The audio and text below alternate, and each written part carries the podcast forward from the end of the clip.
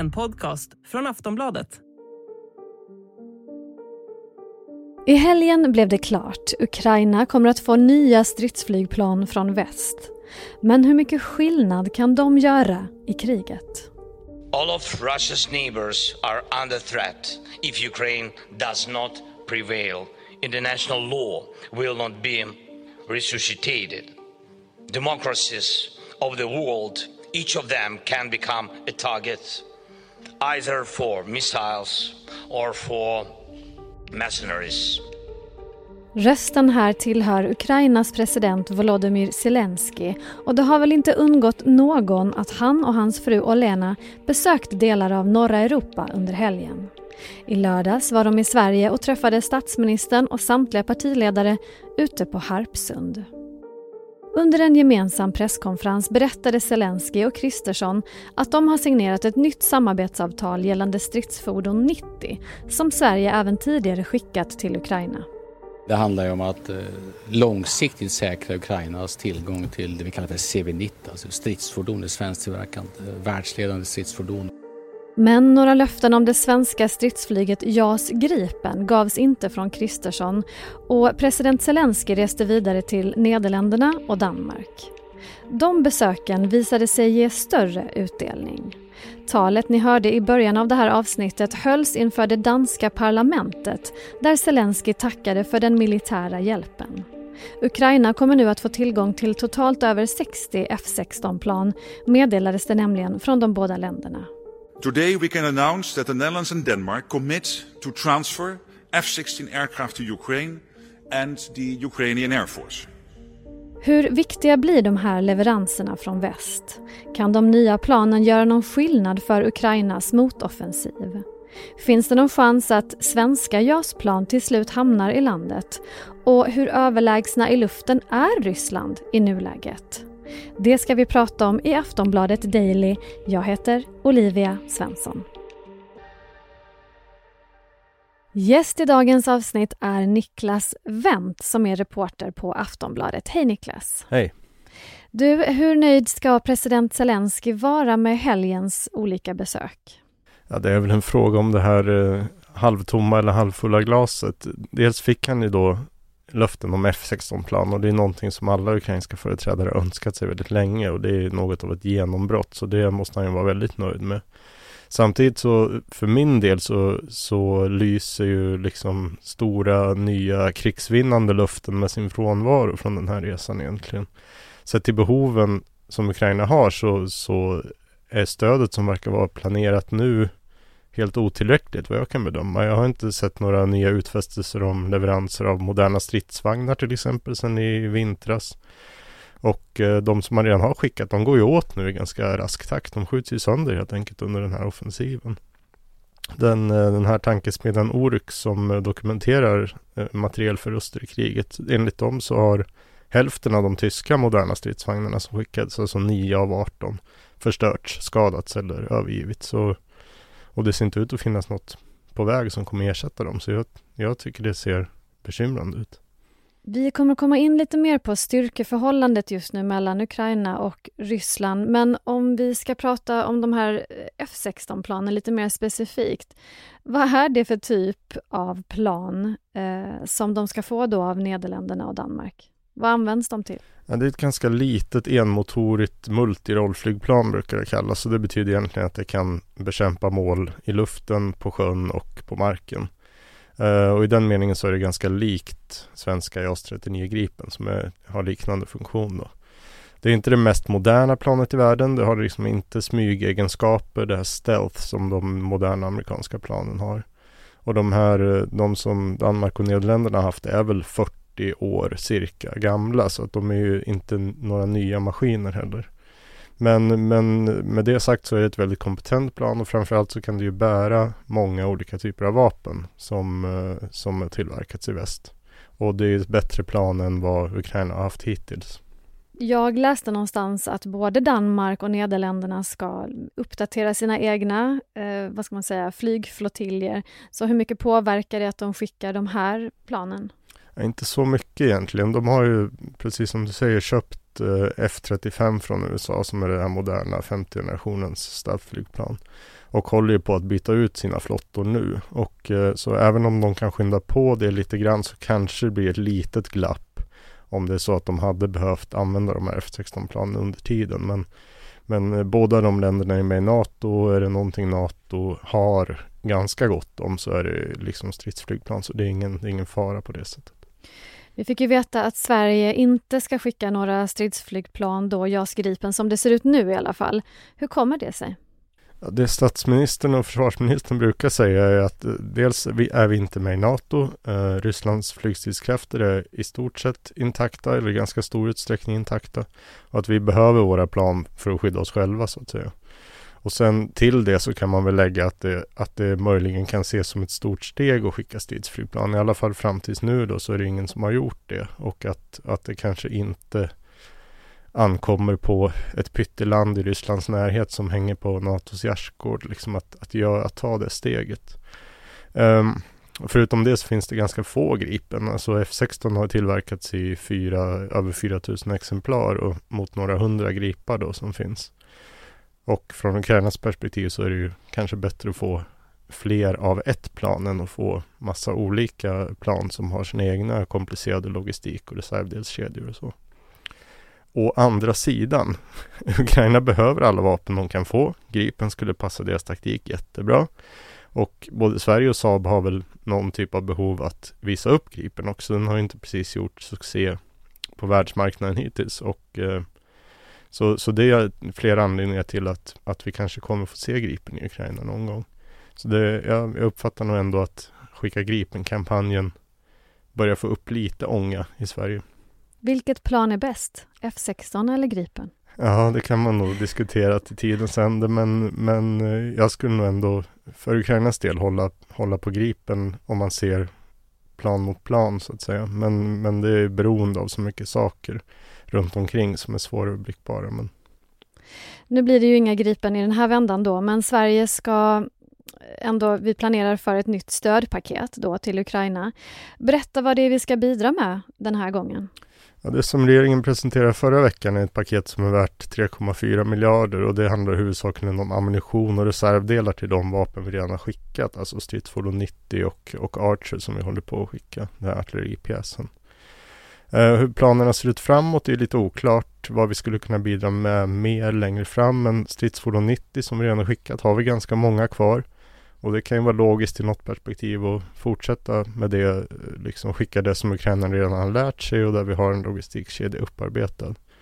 Dessutom så Försvarsmakten planerar redan att köpa in nya fordon. Det är inte bestämt då men, men det är liksom på gång. Och Hägglunds i Örnsköldsvik som tillverkar de här, de har en lina igång. De håller på att tillverka fordon så fort de kan till Slovakien och Tjeckien.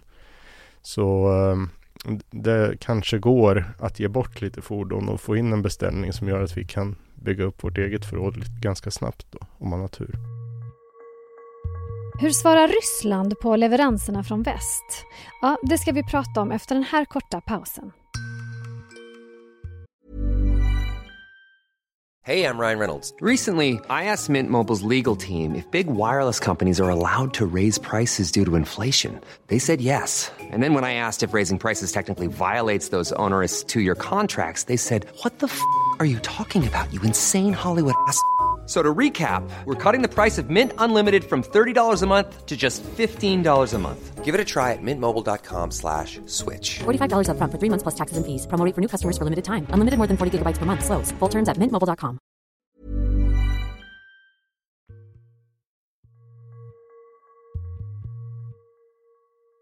En fråga som man givetvis ställer sig nu med de här leveranserna av F16 Finns risken att de här nya leveranserna, de nya löftena från, från olika länder då i väst ytterligare eskalerar konflikten? Alltså hur svarar Ryssland på de här beskeden som har getts nu i helgen?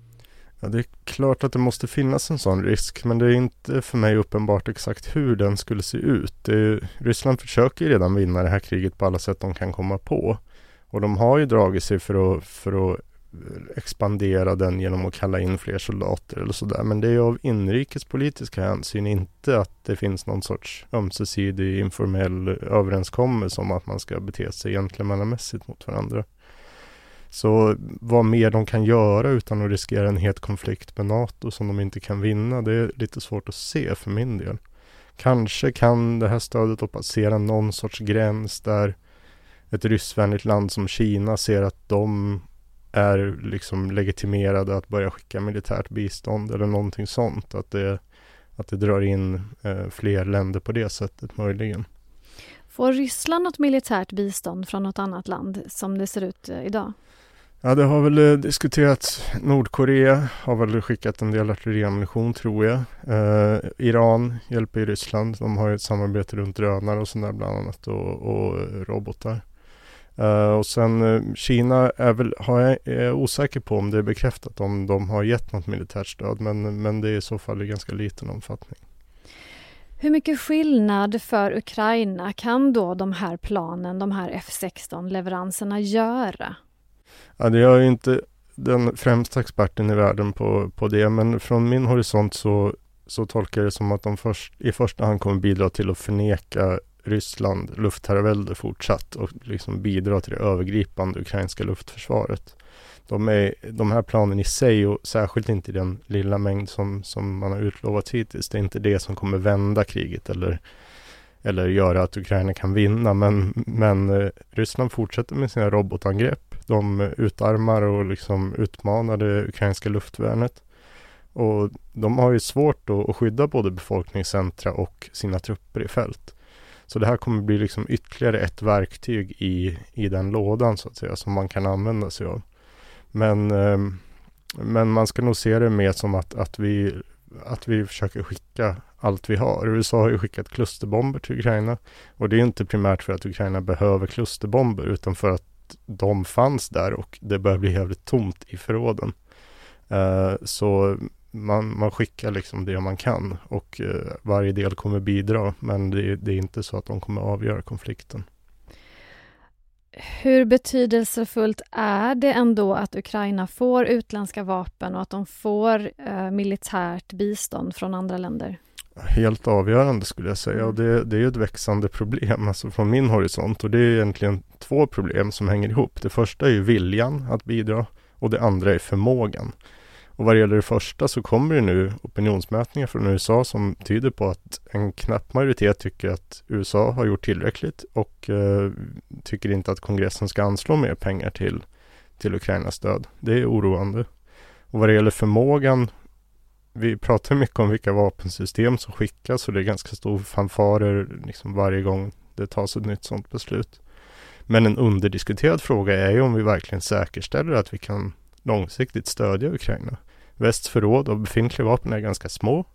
Det görs försök att öka produktionskapaciteten men det finns massor problem med det. Det är brist på explosivämnen, oklarhet om framtida behov. Bygger vi upp en industri och produktionskapacitet tillräckligt snabbt som gör att vi kommer långsiktigt kunna stödja Ukraina? Jag, jag är rädd för att svaret är nej som det ser ut nu. Vad skulle göra mest skillnad rent upprustningsmässigt för Ukraina? Var finns de största behoven och vad behöver de mest av? Oj, väldigt svårt att säga. Eh, de, eh, det man hoppades inför den här offensiven som pågår nu var ju att just mekaniserad strid med stridsfordon och stridsvagnar skulle vara mm, liksom ge Ukraina en möjlighet att ändra dynamiken på slagfältet. Och det, det har ju inte lyckats hittills utan det, det, tycks ju som att Ukraina har tvingats på grund av det ryska försvaret och, och hur starkt det har varit att gå tillbaka till en mer artilleritung eh, typ av krigföring där man eh, med soldater till fots egentligen systematiskt mera jobbar sig framåt. Och det blir inte de här pansarstötarna som, eh, som går väldigt snabbt och som bygger på manöver. Så det är svårt att säga om fler pansarfordon skulle kunna möjliggöra en sån, en sån typ av krigföring ändå. Eller behöver de mer artilleri? Det behöver de hela tiden. Det är, de, de lider ju ständig brist på artillerigranater. Är det fler flygplan? Eller är det, eller är det någonting annat? Det är, det är väldigt svårt att avgöra. Men jag, i grunden tror jag nog att möjliggöra för Ukraina att strida på det sättet som de vill strida, alltså tillhandahålla fler artilleripjäser och artillerigranater. Eh, det är nog det absolut viktigaste. Bara så man förstår styrkeförhållandet mellan Ryssland och Ukraina, hur mycket mer överlägsna är Ryssland militärt just nu eller överhuvudtaget? Nej, det, är en, det är ju verkligen en, en fråga som, eh, som man undrar över. Eh, jag skulle nog inte säga att de är överlägsna militärt som det ser ut nu. Utan det som gör att det är trögt för Ukraina är ju att, att uh, Ryssland är nedgrävda. Och de, det, Vad menar du att de är nedgrävda? Att de har byggt massa skyttegravar, bunkrar, de har lagt upp minfält, de har ställt ut olika typer av hinder. Och det i krigföring så har den som försvarar sig alltid en stor fördel eh, mot den som anfaller. Eh, och det utnyttjar Ryssland nu eh, ganska mycket. Så det är inte som att de har inte heller någon uppenbar jättestor förmåga att, att anfalla ukrainarna eller ta över mer av, av Ukraina så att säga. Men det är klart att Ryssland har en ganska stor outnyttjad potential egentligen. Det är inte som att hela Ryssland är satt på krigsfot. De har inte gjort en allmän mobilisering eller satt in alla sina luftstridskrafter. Um, men, men som det ser ut på marken så är det ganska jämnt. Då sätter vi punkt där. Niklas, tack så mycket för att du kunde vara med. Tack. Sist här, Niklas Wendt, reporter på Aftonbladet. Jag heter Olivia Svensson. Du har lyssnat på ett avsnitt av Aftonbladet Daily och vi hörs igen snart.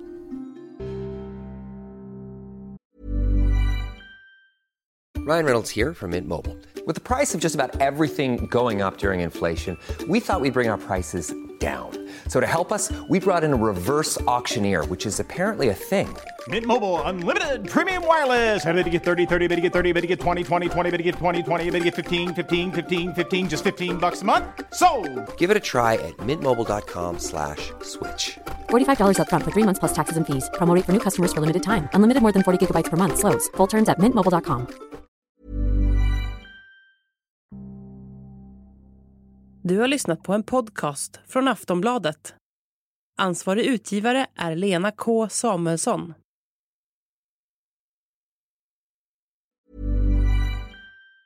Tired of ads barging into your favorite news podcasts? Good news. Ad-free listening is available on Amazon Music. For all the music plus top podcasts included with your Prime membership. Stay up to date on everything newsworthy by downloading the Amazon Music app for free or go to amazon.com slash news ad free. That's amazon.com slash news ad free to catch up on the latest episodes without the ads.